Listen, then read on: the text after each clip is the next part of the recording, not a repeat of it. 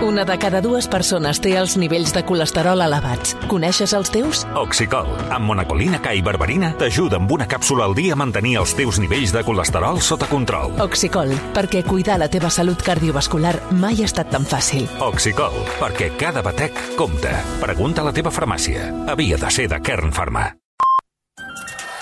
Són les 6 del matí. Bon dia, Catalunya.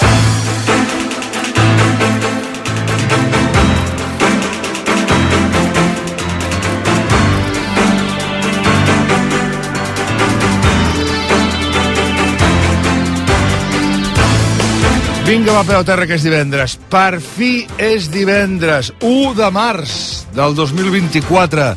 Les pluges aquesta nit han regat moltes comarques, però ara ja no plou enlloc. De fet, durant el matí el sol serà el protagonista bon part de Catalunya. Ara fa fred, al migdia les temperatures quedaran un parell de graus més frenades que no pas ahir. Al cap de setmana farà vent, s'esperen alguns ruixats i l'ambient directament serà més fred.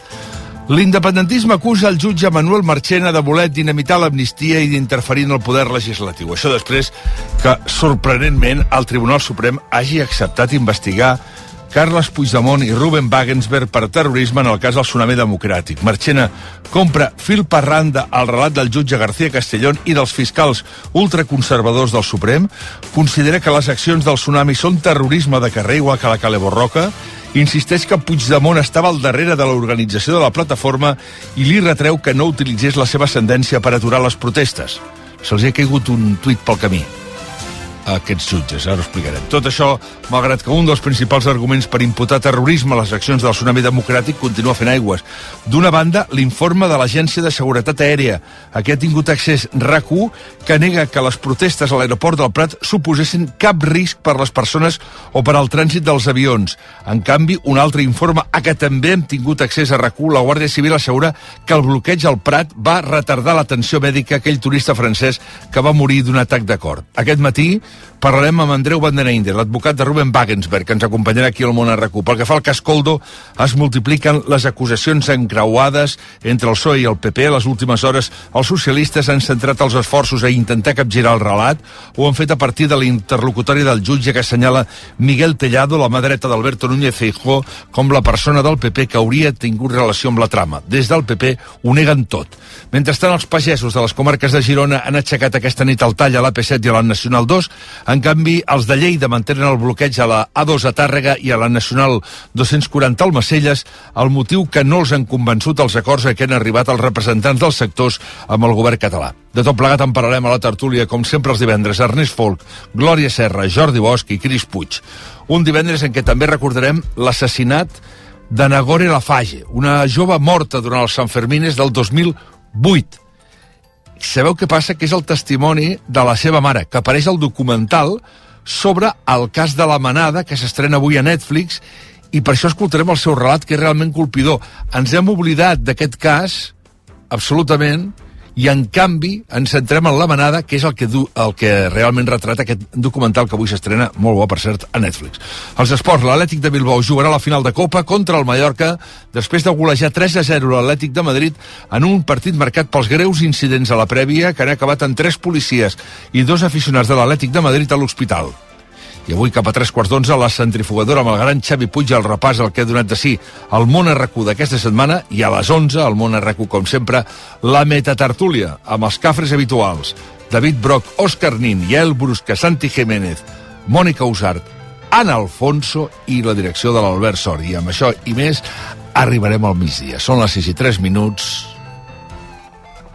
Perdó, al migdia i ole, ole, ole, ole, ole i ole perquè aquest cap de setmana arribarem al migdia. Són les 6 i 3 minuts. Benvinguts al món.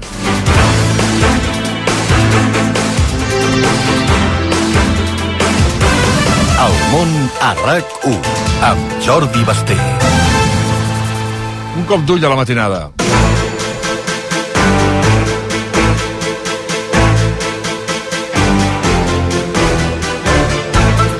Bon dia. Bon dia. Mònica Usar, bon dia. Bon dia. Albert Pedrol, bon dia. Bon dia. Alguna cosa d'aquesta nit o matinada, Adrià? Doncs sí que l'independentisme surt en tromba a carregar contra la decisió del Suprem. Consideren que la justícia torna a fer política i que és un intent de carregar-se la llei d'amnistia. Això després que l'alt tribunal hagi obert causa a Carles Puigdemont i a Rubén Wagensberg per terrorisme. A la sala penal s'ha cregut els arguments de Manuel García Castellón i ja els investiga pels suposats vincles amb Tsunami Democràtic. A més, ho fa en contra del criteri oficial de la mateixa Fiscalia del Suprem. Eh, Carles Puigdemont es posava les mans al cap i en una piulada deia el mateix dia que m'acusen d'haver rebut el regal d'un Rolex de 7.000 euros m'imputen per terrorisme. Crec que ja només fa falta que surti un compte secret a Panamà. Mentre que Carle, mentre Carles Puigdemont deia això, Pere Aragonès d'Esquerra Republicana i Josep Rius de Junts i deia, deien que ho veuen tot plegat amb intenció, vaja, de carregar-se la llei d'amnistia. Estem davant d'una aberració jurídica sense precedents. Criminalitza el dret a la protesta.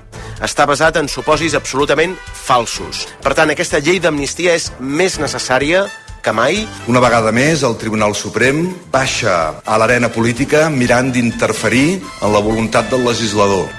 Per part del PSOE encara no en va de boca, però sí que hi hauria malestar entre les files socialistes. Segons la cadena SER, als passadissos del Congrés alguns diputats admetien estar perplexos amb els tempos del Suprem o fins i tot se sentien comentaris com que el Suprem hauria de muntar ja un partit o seure directament a la bancada de la dreta i l'ultradreta. Um...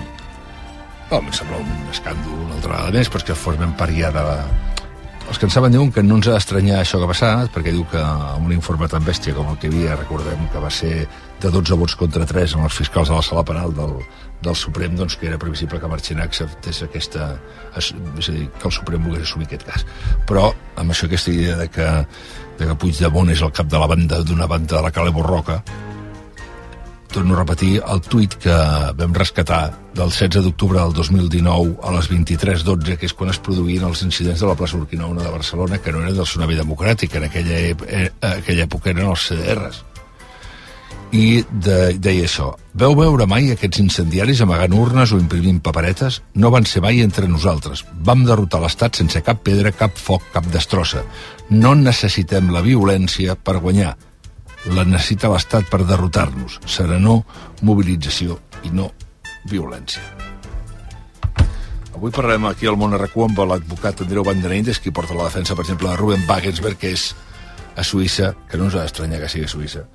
Amb ell analitzarem el text del Suprem que, com dèiem, calca la hipòtesi de García Castellón. Sí, el Suprem equipara les protestes de Tsunami amb la Cale Borroca, les descriu com un terrorisme de carrer i les relaciona amb algunes sentències al País Basc. Els magistrats avalen la idea que Puigdemont era el líder absolut de la mobilització, li retreuen que no hagués rebaixat els ànims durant les protestes i donen per fet que estava al cas de tot des del primer moment. I atenció, parlen d'un concepte nou, que és que l'expresident, diuen, seria l'home del darrere, és a dir, des de l'ombra controlava, diuen, totes les protestes. El Suprem considera que el terrorisme no és un fenomen estàtic i que, per tant, no té sentit encaixar-lo només en organitzacions com Meta o la Jihad. Per cert que, segons el món.cat, aquesta decisió de l'alt tribunal també podria complicar la candidatura de Puigdemont a les europees. Un cop processat per terrorisme, se'l podria inhabilitar amb un dels articles, diuen, de la llei d'enjudiciament criminal. Però tot i que el Suprem ho fia pràcticament totes les protestes a l'aeroport del Prat, l'Agència de Seguretat Aèria assegura que, aleshores, Tsunami no va posar en risc a ningú. Sí, considera que en les protestes del 2019 a l'aeroport no hi va haver cap risc per les persones ni pels avions.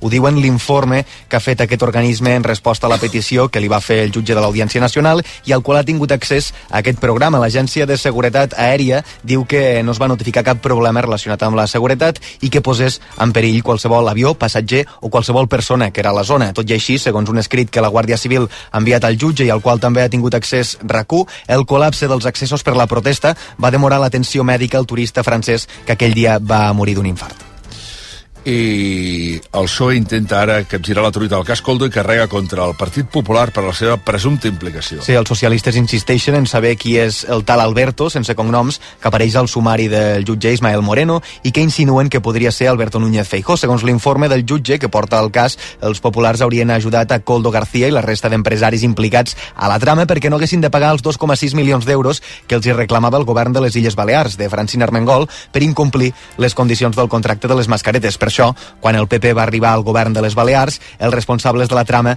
es van reunir suposadament amb el portaveu popular al Congrés, Miguel Tellado, per evitar que els ho reclamessin. Tot i això, avui El Mundo explica que el govern d'Armengol en un primer moment va firmar un aval assegurant que les mascaretes que van comprar eren de bona qualitat. Això tot i que, segons el diari, aleshores ja les havien retirat del mercat.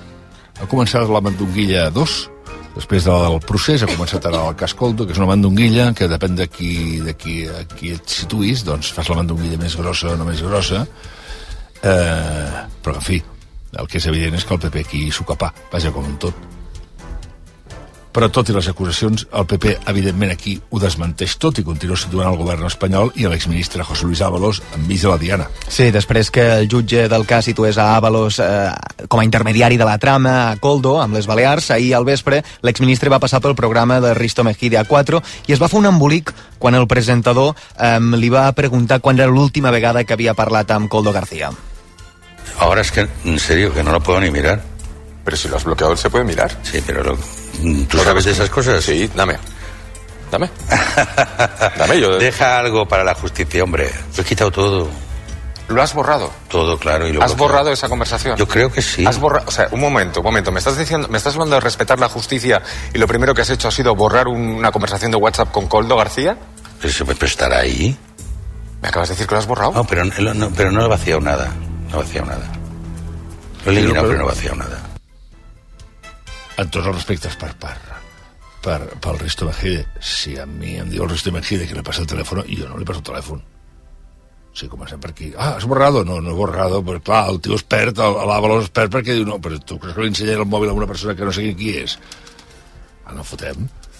Vaja, jo, el mòbil toqui qui, qui jo vull que toqui, no? Un presentador de televisió per molt que sigui conegut i que sé que no me'n farà cap, és, és el meu mòbil i més en aquestes circumstàncies el normal és que, que tu no li deixis el mòbil al presentador de televisió. Vull saber què farà Bueno, Avalos, però, no, és l'únic, que- no era l'únic, segons la Guàrdia Civil, que hauria parlat i s'hauria reunit amb Coldo. Sí, segons explica El Mundo, un informe policial té constància de diverses trobades que l'exassessor hauria tingut amb membres actuals del Ministeri de Transports, totes elles al restaurant La Xalana, que era el local de referència de la trama. Coldo s'hauria reunit individualment durant el mes de novembre amb l'actual número 3 del Ministeri, Manuel Gómez García, el director de la Societat Mercantil Enfesa, Vicente Calzado Tellez, el president de la Direcció General de Conservació i Manteniment d'Adif, Àngel Contreras, i l'actual senadora del PSOE, que en aquell moment era directora de la Societat d'Infraestructures del Transport, Cristina Moreno Fernández. I aquesta matinada els pagesos han aixecat el tall de la P7 i la Nacional 2 a l'Empordà però mantenen el bloqueig a Lleida. Sí, després de tres dies de carreteres tallades, els pagesos gironins van donar a per acabada la protesta ahir després dels acords que van tancar amb el govern. Entre d'altres, preveuen reorganitzar l'Agència Catalana de l'Aigua o que el departament es torni a dir d'Agricultura, Ramaderia i Pesca, uns compromisos, però que no han convençut els agricultors de Ponent que continuen tallant la 2 a Tàrrega. De fet, si volen quedar, diuen fins demà. Bueno, que és el que, això de, de canviar el nom una altra vegada és el que es queixava el Toni Aire fa uns quants dies aquí, dius, és que li han tret el nom. És que li han tret el nom. Aquesta manera, moltes vegades, d'agafar el llenguatge, sacsejar-lo, i ara farem, farem més, en, més entrenador, ho compliquen més encara. Anem a, les, a la 2, que hi tenim un dia més el Julián Andrés. Hola, Julián, bon dia. Bon dia, doncs sí, un dia més el Foc a Terra ens ha indicat els llocs dels que s'han quedat desperts a l'espera de que arribin els relleus i el tall de la 2 continua. Els pagesos diuen que els compromisos no són acords i que si ha d'haver dimissions, per exemple, que podrien arribar avui mateix, volen fets i és que hi ha molt malestar i desconfiança amb el govern. Tot plegat després d'una jornada amb discrepàncies. Ahir a l'assemblea, part del grup motor de Plataforma Pagesa va dir que si el tall continuava, ells ho deixaven, perquè entre els acords havia posar fi a les mobilitzacions. Avui, però, al matí continuen els tractors a la carretera. De moment, hi ha menys que ahir, però dos integrants nous, dues mules, han arribat pel que serà l'últim dia de tall. Demà al matí marxaran.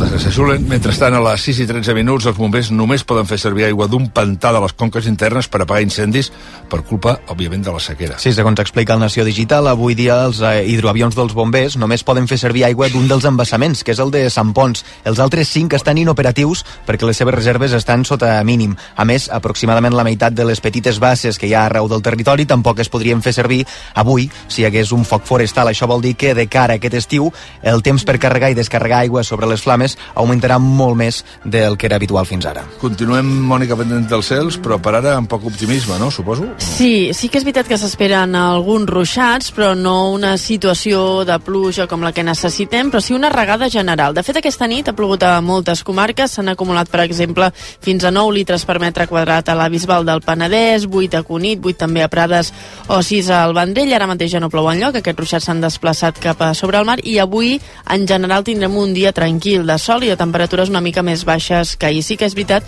que bufarà el vent fort de mestral i també de tramuntana. Però demà de nou s'esperen algunes pluges, al matí sobretot a les comarques de Lleida i entre la tarda i el vespre s'estendran pel nord del país, comarques de Ponent, i després demà a la nit arribaran a qualsevol comarca de Catalunya. Fins i tot localment poden descarregar amb força i atenció amb la cota de neu d'entre 1.200 i 1.400 metres. I amb vent demà, que es notarà especialment a la costa, prelitoral i també punts de les comarques de Girona. I diumenge començarem el dia amb pluja, sobretot a les comarques de Girona, Barcelona i també el Pirineu, però marxaran ràpidament i després s'acabarà imposant el sol i continuem amb aquest vent fort, especialment als extrems del país. I baixar la temperatura aquest cap de setmana i amb ella també ho farà la cota que diumenge de matinada es situarà entre els 600 i els 800 metres.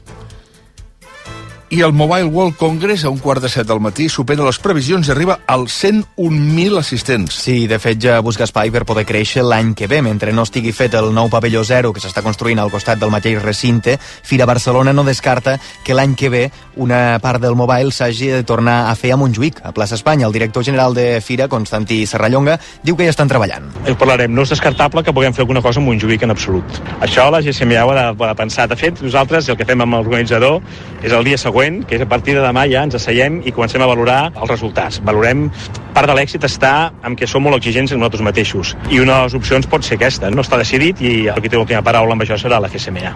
La pròxima edició del Congrés Mundial de Mòbils es farà una setmana més tard que enguany, serà del 3 al 6 de març del 2025. I una investigació del The Guardian descobreix la identitat dels joves que han creat la polèmica aplicació d'intel·ligència artificial Clothoff. Sí, és una eina que s'utilitza per crear imatges falses de dones o en alguns casos de nenes despullades. De fet, aquesta aplicació és la que van fer servir diversos menors en el cas del Mendralejo, ho recordareu, en què es van fer córrer per un institut desenes d'imatges falses de desenes de nenes sense roba. Segons el diari, dos germans de Bielorússia són els que la gestionen aquesta aplicació. Es diuen Dasha Babicheva i Alexander Babichau. Són una noia... Babicheva i Babichau. Sí, Babicheva i Babichau, sí. Són una noia i un noi de 25 i 30 anys que viuen a Minsk. Recordo un acudit que deia no sé què, pararà papà, pararà patxin. Doncs aquest exactament.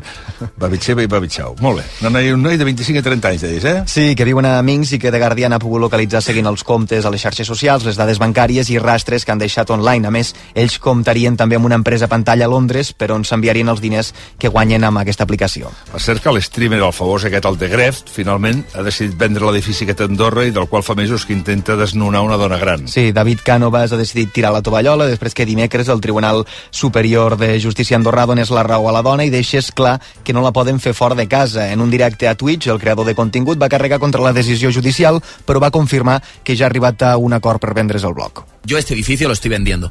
No sé si soy gilipollas después de todo lo que he tragado y después de todo lo que está pasando de vender el edificio. Pero es que lo último que quiero, tío, son problemas. O sea, porque es muy duro, tío. Es muy duro ver como algo que no es verdad afecta a tus proyectos, afecta a tus relaciones con las marcas, afecta a tu imagen pública y tú no, has hecho nada. Bueno, Eso es muy jodido, chavales. S'ha venut l'edifici. Home, què pensava? Aviam, no, va comprar l'edifici per fer obra social. Home, va comprar l'edifici per vendre's l'edifici, per especular, segur. Per tant, ha fet el que volia fer. Però potser ho ha fet abans d'hora perquè volia te- tenir un preu més alt, però mira, noi, el carrito l'helado. Sí, sí, tot i això l'advocat de la dona que hi viu, Pere Cristòfol, deia a Ràdio Nacional d'Andorra que no se'n fia i que no té clar que realment s'hagi venut aquest edifici. I més d'un centenar de morts a Gaza pels tirotejos d'Israel ahir en un punt de repartiment d'aliments. Sí, també hi va haver més de 700 ferits. El propi exèrcit israelià ha reconegut que va obrir foc quan la multitud es va apropar a diversos camions amb ajuda humanitària. El motiu, diu, és que els soldats hebreus que vigilaven els vehicles es van sentir amenaçats quan van quedar envoltats. De fet, el govern de Benjamin Netanyahu ja ha demanat que no es permeti entrar més ajuda ni aliments a Gaza després de la massacre perquè diu que posa en perill el seu exèrcit. Per cert que els Estats Units ha admès per primer cop que la xifra de nens i dones morts a Gaza supera les 25.000 persones. I avui que a Netflix s'estrena la pel·lícula documental No está sola la lucha contra la manada. Estaba sentado un chico y me dijo, El documental analitza de la mà de testimonis claus la violació múltiple a les festes de Sant Fermín del 2016. No aporta res que no coneguem, però aporta, sí que aporta un element, com deia l'altre dia l'Alejandra Palés, sí que aporta un element, és a dir, no aporta res en el relat, perquè ja coneixem tot com va passar, però sí que aporta veus que són molt interessants i sobretot aporta un fet que ens sembla, que ens sembla oblidat a tots, que és la figura de la Nagore Lafaj, que és una jove morta als Sant Fermins del 2008, que la majoria ni recordàvem, que va ser, que va ser assassima, assassinada, i com la mare es posa al davant de les pancartes del tema de la manada a Pamplona. Avui parlarem amb la mare de la Nagore, eh, aquí al món a RAC1. Eh, un relat realment colpidor. I avui arriba als cinemes la segona part de Dune. It's okay. I'm here. I'm here. Malé i Zendaya, també amb Javier Bardem i Austin Butler protagonitzen l'esperada seqüela Dune Parte 2 que segueix l'ascens de Paul Atreides al poder i com inicia un viatge per convertir-se en Messias. Això és com algú llegeix en dues línies alguna cosa que no en teni punyetera idea del que és. Ni Paul Atreides, ni Parte 2, ni Zendaya, bueno, Zendaya sé qui és, però, en fi, veurem la primera perquè l'antiga era insuportable, almenys el que jo recordo. I a sales també s'estrena Dream Scenario amb Nicolas Cage. Why does the zebra look the way it comèdia de terror que explica la història d'un home que ha de fer front a una fama sobtada. I a més avui comença una nova edició del Festival de Màlaga. Sí, ho fa amb record de representants catalans. Salvador Simó inaugura el festival aquesta nit amb Dragon Keeper, Guardiana de Dragones, una faula ambientada en la Xina imperial i que serà una de les 18 propostes que optarà a la Bisnaga d'Or. Alguna de les seves competidores seran Segundo Premio, el nou film d'Isaac i la Cuesta, centrat en la banda de rock de los planetes, Pájaros, de Pau Durà, o El hombre bueno, la nova cinta de David Trueba, després de l'èxit de Saben aquell. I avui surt l'esperadíssim disc de Guillem Gisbert, el cantant de Manel.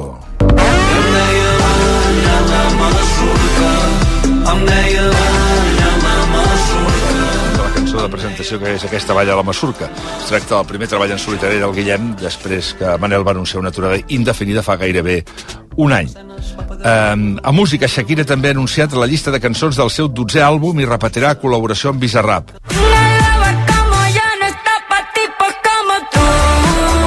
Fuerte, que intentarà repetir l'èxit d'aquesta sessió 53, que gairebé acumula 900 milions de reproduccions a Spotify. El disc sortirà el dia 22 de març i també inclou un duet amb Cardi B i un nou tema en Raúl Alejandro. I això serà d'aquí tres setmanes, perquè aquesta matinada Pharrell Williams i Miley Cyrus han publicat nova cançó. could be a doctor and I could be a nurse.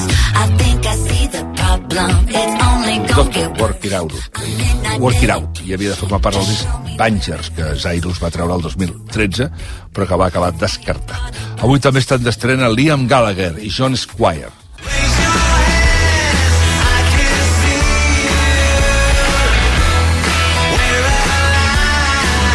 estranyíssim. El líder d'Oasis i el guitarrista de Stone Roses eh, publiquen aquest primer disc que es titula precisament Liam Gallagher en John Squire. Pel que fa als esports, què? Doncs mira que l'Atlètic de Bilbao ha eliminat l'Atlètic de Madrid i jugarà la final de la Copa del Rei. Ho farà contra el Mallorca, l'equip basc va golejar 3 a 0 els de Simeone, va fer bo el 0 a 1 de l'anada i el 6 d'abril serà la Cartuja de Sevilla. Per cert, abans del partit, els radicals de l'Atlètic Club van provocar greus incidents als voltants de Sant Mamés, van trencar el cordó de seguretat i la cosa va acabar amb tres policies i dos aficionats de l'Atlètic de Madrid a l'hospital. Més coses, el Barça va refusar dues ofertes del Bayern de Múnich per Ronald Araujo valorades en 90 milions d'euros. És el que avui publica Mundo Deportivo en portada. Pel que llegim, la primera era de 70 fixos més 20 en variables i la segona de 80 més 10, però el Barça el considera intransferible. El central uruguaià i és per això que el vol renovar. Ara Araujo té contracte fins al 2026. Encara en futbol, avui comença la jornada 27 de primera amb un Celta Almeria a les 9 del vespre i aquest cap de setmana Comença el Mundial de Fórmula 1 amb el Gran Premi de Bahrain, aquest migdia entrenaments, a classificació a la tarda i aqu- aquesta primera cursa de la temporada és el dissabte. Per tant, demà, primera cursa del Mundial, a les 4 de la tarda n'estarem pendents al Superesports de rac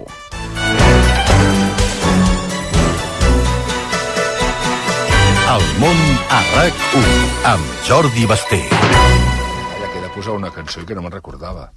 Espera, que li vaig a passar. És que és una cançó... Calla, que m'han dit que, que tu, tu, és demà, tu teniu el Salvador Actor demà, no? Sí, demà tenim concert. Ah, sí, és sí, que no sí. ho sé tot jo, eh? A Bellvís. On, explica, A Bellvís. Fes promoció. Sí, Bé. sap greu. No, demà fem un concert a Bellvís. De fet, feia gairebé dos mesos que no fèiem un concert i, per tant, ja hi ha ganes. Ara comencem doncs, aquesta segona gira a l'espera de, de treure un disc, perquè s'està allargant una mica això, s'està dilatant una mica l'estrena del segon disc. Per tant, eh, temps al temps, però esperem Demà, que... a quina hora, a les 8? Demà a les 8 o 9 del vespre, sí. No sé exactament l'hora. A Bellvís. Encara hi ha entrades. Que no sàpigues l'hora. Ho podria consultar. Bueno, ja. Salvador actua demà al vespre a nit a Bellvís a partir de les no sé quants amb, eh, per això però és que és que demà actua a Barcelona un grup, mare de Déu un grup dels anys 80 que tenien una, una música nasal una música nasal i demà actuen a la sala Lobo de Barcelona sí, a la sala Senyor Lobo de Barcelona i... Wolf, no? Ara es diu? Bueno, no sé com es diu ara. Sí, era el que es que diu era... Wolf es diu, que era el que abans es deia... Era una sala de, també d'aquestes del Razmetaz, per aquella zona Sí, d'allà. sí, era Wolf, ara Wolf, ficat. Wolf, pues a la sala Wolf demà actuen aquests. Un pingüino en mi ascensor. Ui, ui, que espiaven a la veïna. Bueno, bueno, bueno.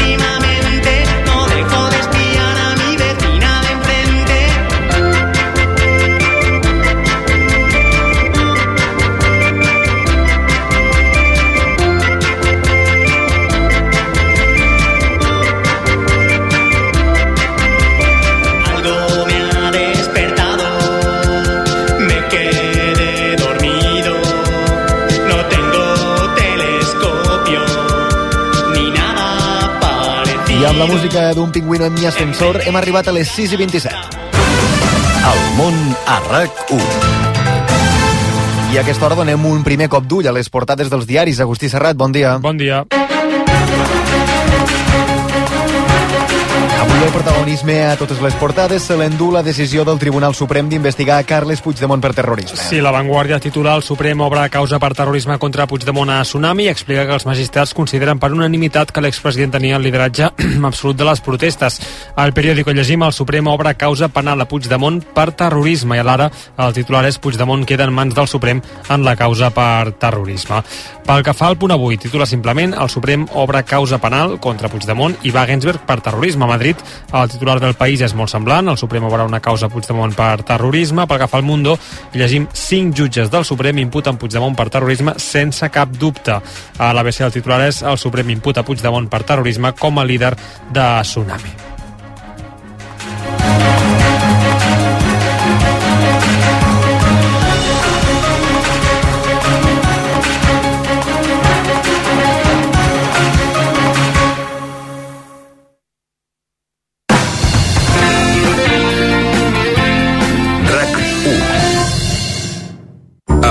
A dia, la patata amb un 33% de descompte. Per només 3,50 la malla de 4 quilos. A botigues i a dia.es.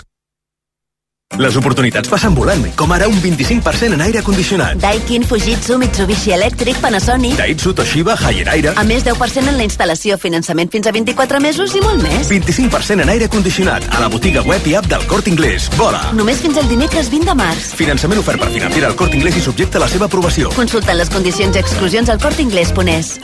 Marta, què et passa? És que el Marc ha tornat a suspendre i ja no sé com ajudar-lo. Nosaltres estàvem igual que tu i ens van recomanar profe.com. Des d'aleshores la Marina està motivada i ha millorat molt. Profe.com? Sí, tenen professorat qualificat amb classes online, personalitzades, adaptables als teus horaris i per totes les assignatures. La primera classe és gratuïta. Doncs ara entro a profe.com. RAC més 1, podcast. A RAC més 1, tranquil·lament. El teu podcast de psicologia amb Marc Serra i Xavier Guix. Us proposem unes sessions de psicologia de proximitat, clares, directes i sempre amb bon humor. I una cosa molt important, Xavier, sense divan, que la gent pot seure on vulgui, no? Vull dir... Home, ja fa temps que no hi ha divans, Marc. Ai, si el Freud aixequés el cap. Tranquil·lament. Escolteu-lo els dimecres cada 15 dies a la app de rac i a rac en col·laboració amb el Col·legi Oficial de Psicologia de Catalunya. RAC més 1. Tots som Més 1.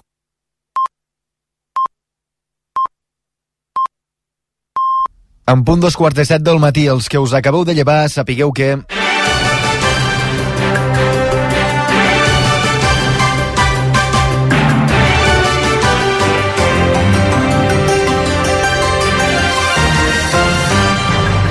Agustí Serrat, Albert Pedrol, bon dia. Bon dia. L'independentisme carrega contra la decisió del Suprem d'obrir causa a Carles Puigdemont i Rubens Wagensberg per terrorisme. Consideren que la justícia fa política i que vol carregar-se la llei d'amnistia. El tribunal compra tots els arguments de Manuel García Castellón i els investiga per tsunami democràtic Eh. en contra del criteri de la Fiscalia. El PSOE intenta girar la truita del cas Coldo i carrega ara contra el PP per la seva presumpta implicació. Insisteixen a saber qui és el tal Alberto, sense cognoms, que apareix al sumari del jutge Ismael Moreno i que insinuen que podria ser Feijó. Mentrestant, el Mundo explica que diversos alts càrrecs de l'actual Ministeri de Transports s'haurien reunit amb Coldo García. Els pagesos aixequen els talls de l'Alt Empordà, però els mantenen a les carreteres de Lleida. Aquesta matinada han donat per acabada la protesta a la P7 i l'N2 després d'acordar amb el govern canviar el nom de la conselleria, reduir la burocràcia i reorganitzar l'ACA. Tot i així encara tallen vies com l'A2 a Tàrrega. El Congrés Mundial de Mòbils arriba als 1.000 als 100.000 assistents. Ha superat totes les previsions, lluny dels 88.000 de l'any passat, però encara per darrere dels 109.000 d'abans de la pandèmia. Per l'any vinent, els organitzadors busquen espais per poder créixer. Destapen que estaria al darrere de l'aplicació que despulla fotos de dones amb intel·ligència artificial. És Cloudov, l'eina que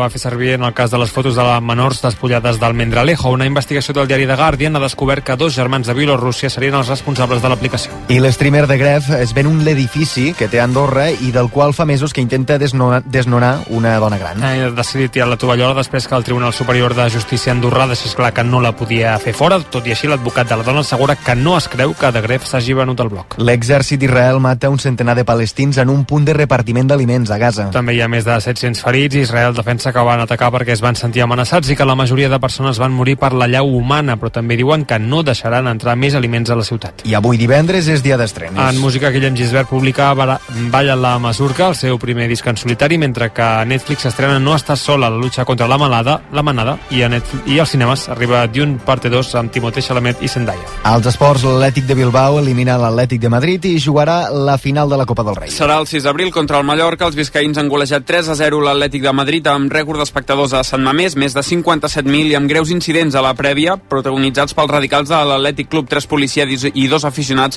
han acabat a l'hospital. I el Barça va refusar dues ofertes per Ronald Araujo valorades en 90 milions d'euros. Segons Mundo Deportivo, el Bayern de Múnich va intentar fitxar l'uruguaià aquest mes de gener, però el Barça li va tancar la porta. Mònica Usar, bon dia. Bon dia. Ocasió Plus t'ofereix aquest espai. Som a les portes d'un cap de setmana que ens portarà pluja, neu, vent i més fred. Sí, de fet, demà començarem el dia amb ruixats, sobretot a les comarques de Lleida. Entre la tarda i el vespre s'estendran per bona part del nord del país i també comarques de Ponent i demà a la nit s'estendran per qualsevol punt del territori amb cota de neu d'entre 1.200 i 1.400 metres. I diumenge començarem el dia amb ruixats també entre Girona, Barcelona i el Pirineu, però a mesura que avanci la jornada s'acabarà imposant el sol. A més a més, bufarà el vent amb força a moltes comarques i baixaran les temperatures, per tant l'ambient serà més fred. I avui també comencem el dia amb fred, amb ventades, però serà un dia de sol a bona part de Catalunya. I repassem les temperatures a aquesta hora. Entre els 7 i els 11 graus a la ciutat de Barcelona, 9 a Tarragona, 6 graus a Lleida i també a Banyoles, 5 a Girona, 3 a Puigcerdà i 10 a Badalona.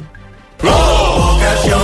¿Que por qué soy un pluser? Porque puedo elegir entre 8.000 coches en 80 centros en España. Porque me lo llevan a mi provincia y tengo 15 días o 1.000 kilómetros de prueba. Porque si no me convence, me lo cambian o me devuelven mi dinero. Ocasión Plus. Ya somos más de 200.000 plusers. ¿Te unes? Ocasión Plus. Nueva tienda en La Maquinista, calle de Santander 90 y en ocasiónplus.com.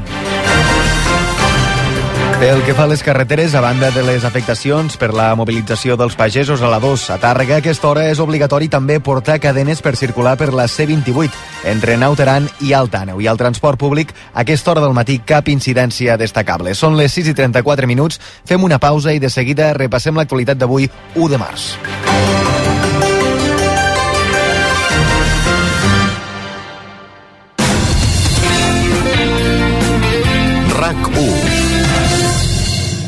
Quan el teu veí gespa artificial vegis instal·lar, a Césped Solución has de trucar. Césped Solución, líders en gespa artificial a Catalunya. 902 481 483. 902 481 483. Més informació a cespedsolucion.es. El 2 i el 3 de març tens una cita amb la Botifarra de la Garriga.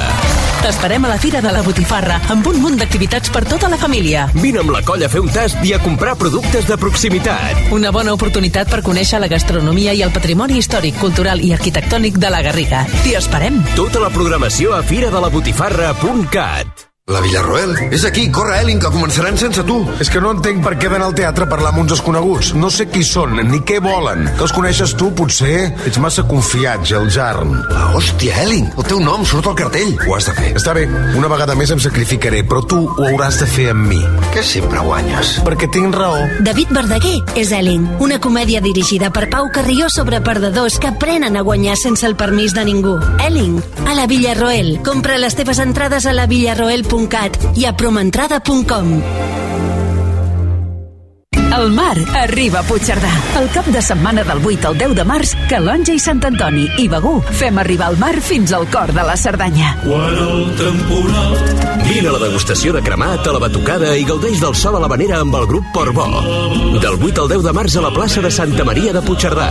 Viu al mar a Puigcerdà amb Begú i Calonja i Sant Antoni.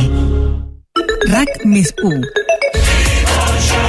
Aquest divendres l'Eurolliga juga a RAC més 1. A dos quarts de nou, des del Palau Blaugrana, Barça-Mònaco. Després de l'aturada, els blaugranes afronten la recta final de la Lliga regular. Llançament de tota la vida i cap a dins. Viviu el partit a l'app de rac i a rac amb Dani Aguilar, Albert Ferran i els comentaris de Jordi Colomer. Aquest divendres, l'Eurolliga torna a RAC més 1. Feel devotion. Actualització constant a rac El portal de notícies de RAC1. El món a RAC1. 6 i 36, el Suprem complica encara més la negociació de l'amnistia i treu de les seves caselles l'independentisme.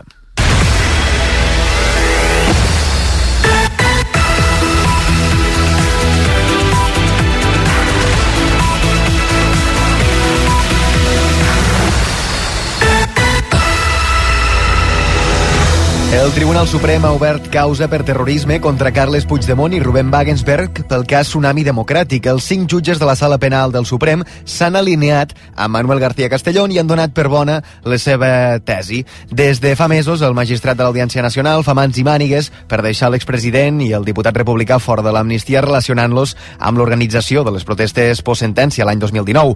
La decisió del Suprem d'assumir la causa és, per tant, una gran victòria per García Castellón. Li vol passar la pilota del cas al Suprem, bàsicament perquè tant Puigdemont com Wagensberg són aforats, l'un és eurodiputat i l'altre diputat al Parlament, i per tant l'Audiència Nacional estava lligada de mans i peus a l'hora de jutjar-los. Doncs bé, ara finalment García Castellón, com dèiem, se n'ha sortit amb la seva. D'aquesta manera, el Suprem ha fet via i ho ha fet sense escoltar l'opinió final de la Fiscalia, que demanava arxivar tota la investigació. La nova instructora del cas serà la jutgessa Susana Polo, que haurà de demanar a Bèlgica i a Suïssa, on estan exiliats Puigdemont i Wagensberg, que entre treguin els dos acusats, si no compareixen voluntàriament. Tot plegat amb la possible llei d'amnistia com a taló de fons. Madrid, Arnau Manyer, bon dia. Bon dia. El Suprem opta per una via intermitja i només es queda la Casa Major, la carpeta de Carles Puigdemont i la de Rubén Wagensberg. Són els dos implicats en el cas Tsunami que continuen aforats.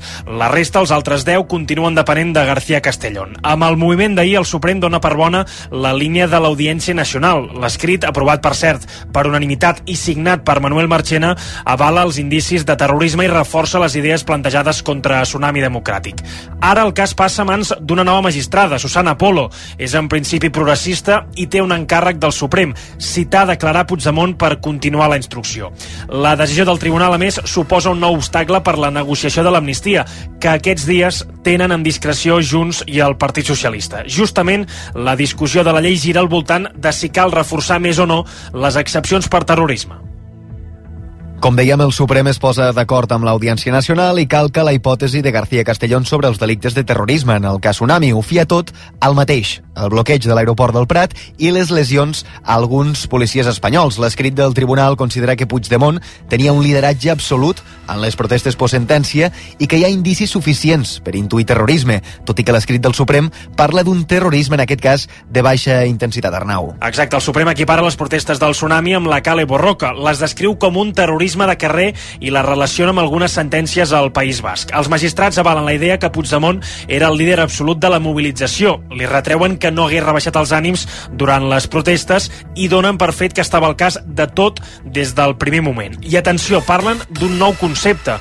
L'expresident seria l'home del darrere, és a dir, des de l'ombra controlaria les protestes independentistes. El Suprem considera que el terrorisme no és un fenomen estàtic i que, per tant, no té sentit encaixar-lo només en organitzacions com ETA o la Jihad. Per això, diuen, les mobilitzacions del 2019 podrien quadrar perfectament en aquest delicte. A més, la maniobra del Suprem d'obrir una causa per terrorisme contra Puigdemont podria complicar ara també la seva reelecció com a eurodiputat. Segons explica el Mont.cat, l'article 384 bis de la llei d'enjudiciament criminal preveu la immediata inhabilitació per exercir un càrrec públic als processats per un delicte de terrorisme. En aquesta mateixa línia, amb una interlocutòria de processament per terrorisme, el Tribunal Suprem també podria demanar automàticament la detenció del president amb una ordre europea o una d'internacional de detenció. Sigui com sigui, la decisió del Suprem arriba hores després de saber-se que l'Agència de Seguretat Aèria Espanyola assegura que la manifestació a l'aeroport del Prat del 2019 en contra de la sentència del procés no va posar en risc cap persona ni tampoc els avions. Ho diu en l'informe que ha fet aquest organisme en resposta a la petició que li va fer el jutge de l'Audiència Nacional. RAC1 ja ha tingut accés i l'Agència de Seguretat Aèria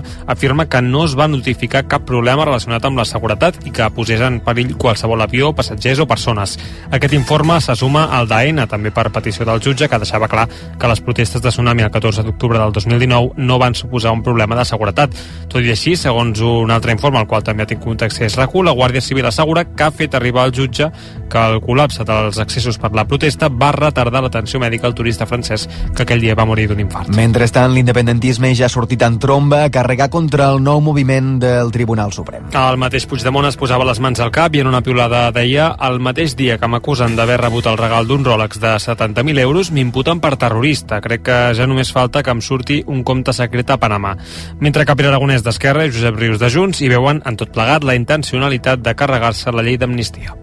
Estem davant d'una aberració jurídica sense precedents. Criminalitza el dret a la protesta. Està basat en supòsits absolutament falsos. Per tant, aquesta llei d'amnistia és més necessària que mai. Una vegada més, el Tribunal Suprem baixa a l'arena política mirant d'interferir en la voluntat del legislador.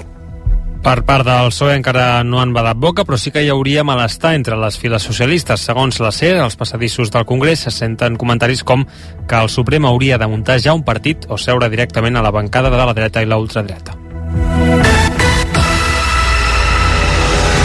6 i 42 minuts, el PSOE intenta girar la truita del cas Coldo i càrrega contra el PP per la seva presumpta implicació. Després de dies d'ofensiva dels populars, que han utilitzat la trama de corrupció de l'exassessor de José Luis Ábalos per desestabilitzar la Moncloa, qui ha passat ara l'atac són els socialistes, que insisteixen en saber qui és aquest tal Alberto, sense cognoms, que apareix al sumari del jutge Ismael Moreno i que insinuen que podria ser el mateix Alberto Núñez Feijóo. Aquesta persona és qui hauria donat el vistiplau a obrir contactes amb la trama corrupta, unes converses que haurien anat a càrrec, suposadament, del portaveu parlamentari del PP, Miguel Tellado. Ell mateix, però, ahir ho negava tot davant la premsa.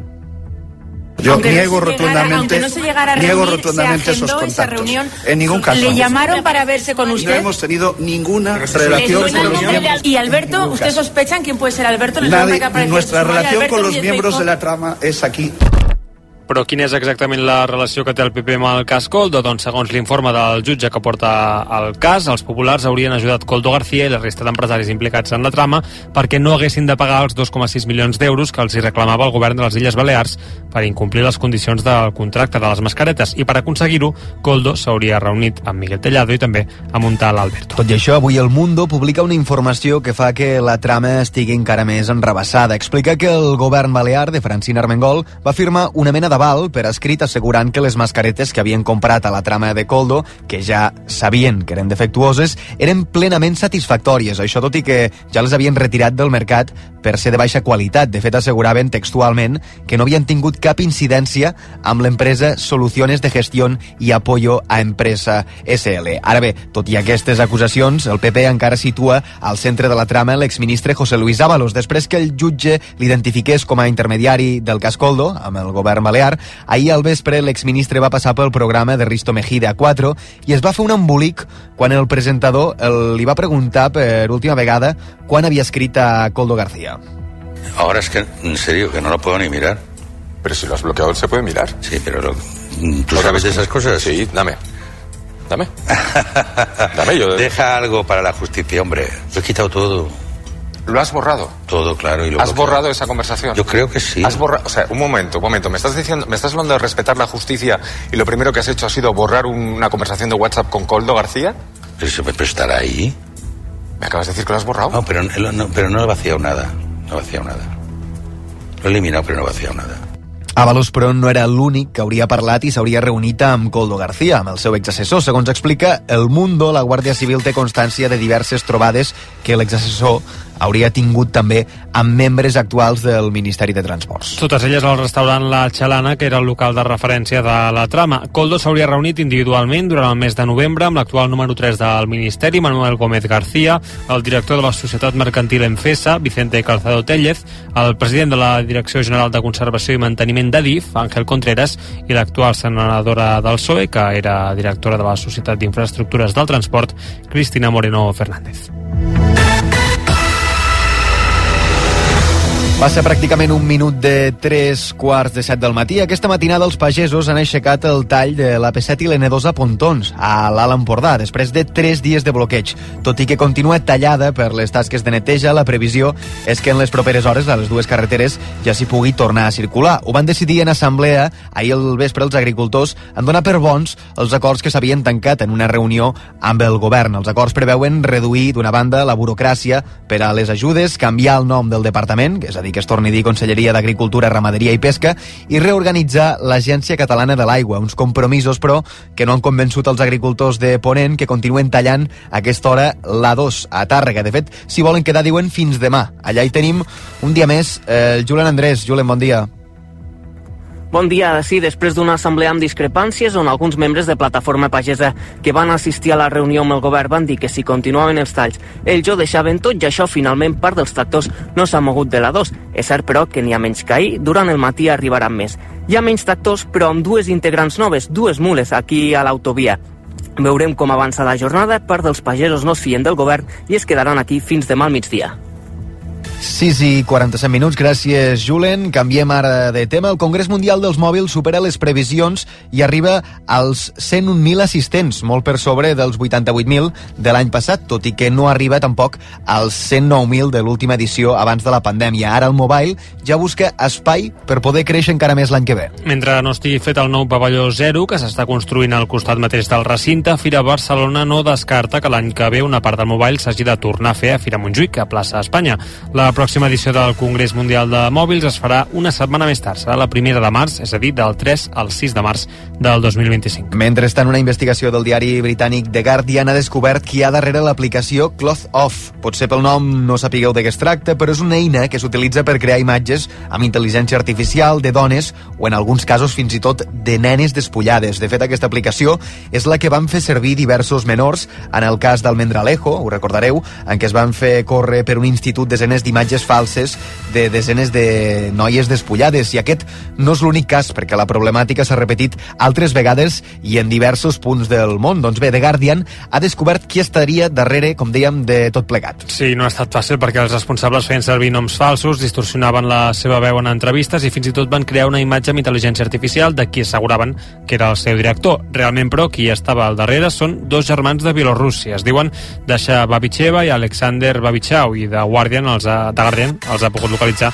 seguint comptes a xarxes socials, dades bancàries i d'altres rastres que han deixat. Ella no s'hi ha volgut posar en contacte i ell ha negat qualsevol implicació, però segons el diari formarien part de la trama que comptaria amb una empresa pantalla a Londres per on s'enviaven els diners. 11 minuts i arribarem al punt de les 7 del matí. L'streamer de Gref es dona per vençut i finalment vendrà l'edifici que té Andorra i del qual fa mesos que intenta desnonar una dona gran. David Cànovas ha decidit tirar la tovallola després que dimecres el Tribunal Superior de Justícia d'Andorra donés la raó a la dona i deixés clar que no la poden fer fora de casa seva. En un directe a Twitch, l'streamer ha confirmat que ja ha arribat a un acord per vendre's el blog, però també ha carregat contra la decisió judicial i ha acusat la dona de mentir. Yo este edificio lo estoy vendiendo. No sé si soy gilipollas después de todo lo que he tragado y después de todo lo que está pasando de vender el edificio. Al final ella es la pobre abuel- abuelita y yo el chaval joven, millonario e hijo de puta. Tot i així, l'advocat de la dona diu que... L'advocat de la dona que hi viu, Pere Cristòfol, deia a Ràdio Nacional d'Andorra que no se'n fia i que no té clar que realment de Gref l'hagi venut. I un últim apunt, perquè avui eh, la imatge de portada a molts diaris és la massacre de l'exèrcit d'Israel a Gaza, en què haurien mort més d'un centenar de palestins. Va ser arran dels tirotejos de les tropes de Tel Aviv ahir en un punt de repartiment d'aliments, quan més d'un miler de persones s'hi van apropar buscant menjar. També hi van haver 700 ferits, tots plegats, eh, tot plegat és el que denuncien els funcionaris de Gaza. El mateix exèrcit israelià ha reconegut que va obrir foc quan la multitud es va apropar a diversos camions amb ajuda humanitària, tot i que defensen que la majoria de persones van morir per culpa de la llau humana que es va formar quan es van començar a sentir els trets.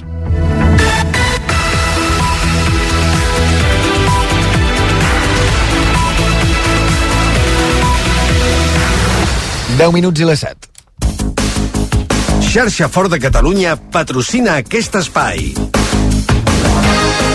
I als esports, Pedrol, l'Atlètic de Bilbao atropella l'Atlètic de Madrid i jugarà la final de la Copa del Rei. Serà el dissabte 6 d'abril contra el Mallorca, després que ahir l'equip basc golegés 3 a 0 als de Simeone. Sí, l'Atlètic de Bilbao ja va guanyar 0 a 1 al Metropolitano en el partit d'anada i ahir no només va defensar el resultat, sinó que va passar per sobre de l'Atlètic de Madrid. Els dos germans Williams, Iñaki i Nico, van sentenciar l'eliminatòria a la primera part amb dos gols i Guruceta va posar la cirereta al quart d'hora de la segona meitat amb el definitiu 3 a 0. Per cert, amb la classificació per la final de la Copa del Rei, l'Atlètic Club i el Mallorca també s'asseguren jugar la Supercopa d'Espanya l'any vinent a l'Aràbia Saudita.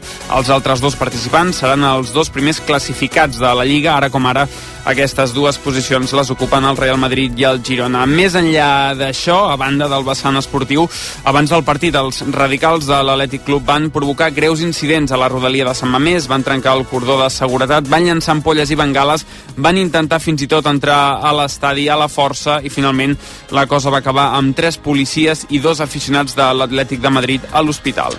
I el Barça va refusar dues ofertes del Bayern de Múnich per Ronald Araujo, valorades sí. en 90 milions d'euros. Sí, segons Mundo Deportivo, les dues eren del Bayern, de l'equip bavarès, aquest mes de gener passat, és a dir, fa tot just un parell de mesos, pel que llegim, la primera era de 70 fixos més 20 en variables i la segona de 80 més 10. Totes dues al final s'enfilaven fins als 90 milions, però el Barça considera que el central és intransferible i fins i tot el vol renovar més enllà del 2026.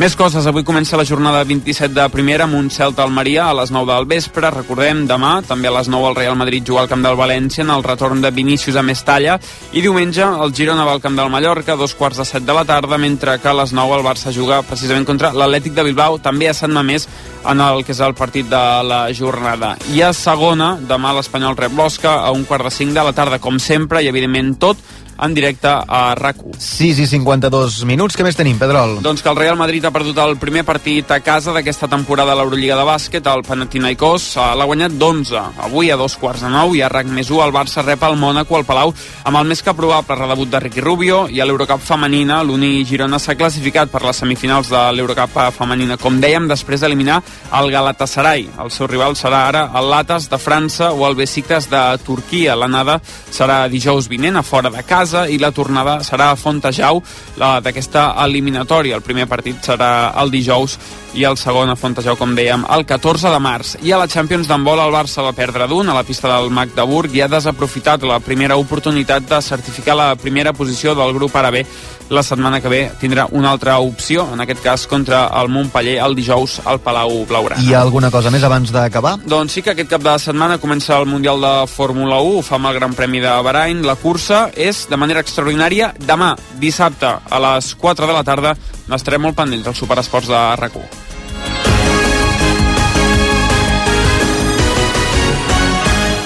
Tinc un pressentiment. Compra't el Ford Kuga. És alguna cosa que em crida. Compra't el Ford Kuga. Una veu dins meu que em diu... Que compris el Ford Kuga.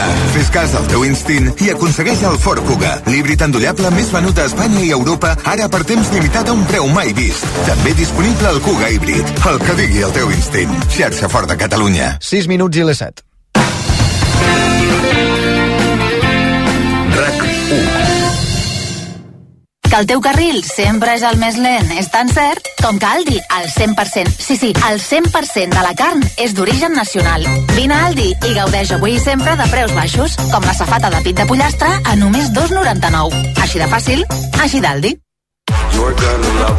Cada dia som més els que practiquem esport, els que gaudim fent el que més ens agrada. Entrenant, competint, donant-ho tot. El Cort Inglés de l'1 al 10 de març aconsegueix marques de fitness, running i trail. Com ara Nike, Adidas, Under Armour i moltes més. I emporta't un 30% de regal Per futures compres en tots els esports. només al Cort Inglés.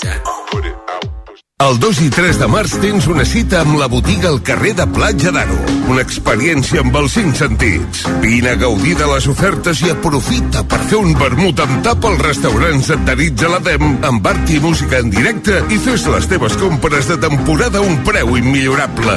La botiga al carrer de Platja d'Aro aquest cap de setmana. Bon dia. En el sorteig del migdia de l'11 d'ahir, la data guanyadora va ser El 25 de desembre del 1940. i el número de la sort, el... 11. Recorda que avui, com cada divendres, tens un pot milionari en el sorteig de l'Eurojackpot de l'11. Gaudeix del dia. I ja ho saps, a tots els que jugueu a l'11, ben jugat.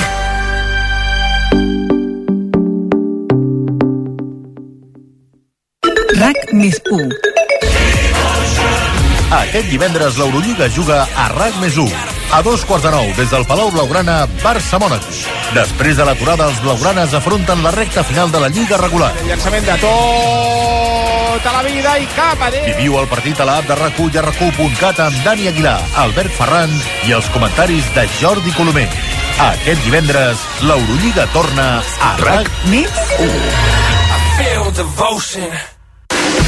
Descobriu la millor manera de viatjar a Viatge B. Cada dissabte, de 3 a 4 de la tarda, a RAC1, amb Esther Muñoz. Prepareu la maleta perquè aquest dissabte 2 de març a les 3 i 3 de la tarda us portarem a Àustria. Vindreu, oi? A RAC1. Tots som u. El món a RAC1.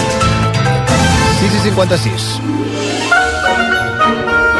I a aquesta hora així és la gent, la secció del Marc Artigau en què cada dia ens explica el món des del punt de vista d'una persona. Avui el que fa anys. Avui és el seu aniversari i quan engega el mòbil ja té missatges de les 12 de la nit dels pares i algun amic matiner. La resta de missatges o trucades aniran desfilant al llarg del dia. Avui és el seu aniversari i no tindrà temps de seure's un moment i fer recompte o prendre decisions transcendentals. Anirà a treballar, dinarà amb la parella, la tarda més calmada, un partidet amb els amics i després un sopar poc romàntic en algun restaurant. Ha passat ja per uns quants aniversaris. Primer, aquella il·lusió infantil dels regals. Després, les presses de l'adolescència i voler-se fer gran. La joventut que va sumant i tant li fa, i ara ja comença a tenir aquella barreja d'orgull i tristesa davant de les espelmes. No ha tingut temps en tot el dia per aturar-se, però ara que el ventre li reclama una urgència, s'asseu a la tassa i va rumiant si vol celebrar l'aniversari o no el vol celebrar. De sobte, l'atropellen tot de dubtes existencials sobre la vida, la mort, el sentit de l'existència. Quan el seu cos no ha tingut prou, s'ha netejat el que s'havia de netejar, ha estirat de la cadena i mentre una part d'ell s'acomiadava per sempre cap a les clavegueres, ha tornat al menjador a mirar una sèrie que no li agrada, però l'ajuda a dormir.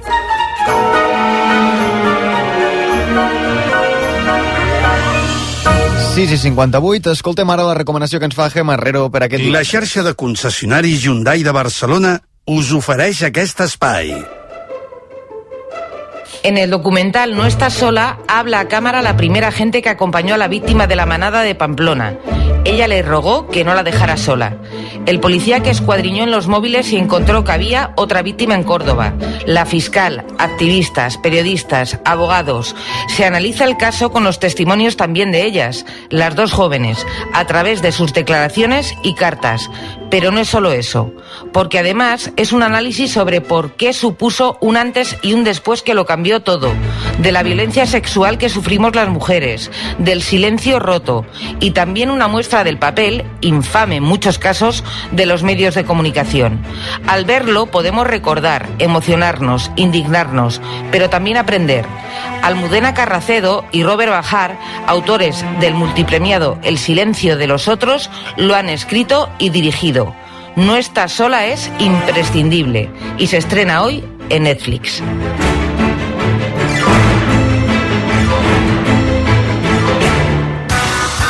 Tots aquells que ja condueixen el número 1 se senten únics, especials. I ara, perquè més gent pugui sentir aquesta increïble sensació, Hyundai posa a la teva disposició el Tucson amb unes condicions immillorables. No esperis més i gaudeix ja de la increïble sensació de conduir el número 1 en vendes. Xarxa de concessionaris Hyundai de Barcelona. RAC 1 Hola, carinyo, com estàs? Bé, m'han dit que us truqui. Quines ganes teníem de parlar amb tu. Que tu passes bé? Estàs fent amics? Menges bé? Ai, mama. Ens trobes a faltar? Sí, mama. Però em puc quedar una setmana més? Colònies d'estiu de Rosa dels Vents. Cuidant el que més estimes des del 1976.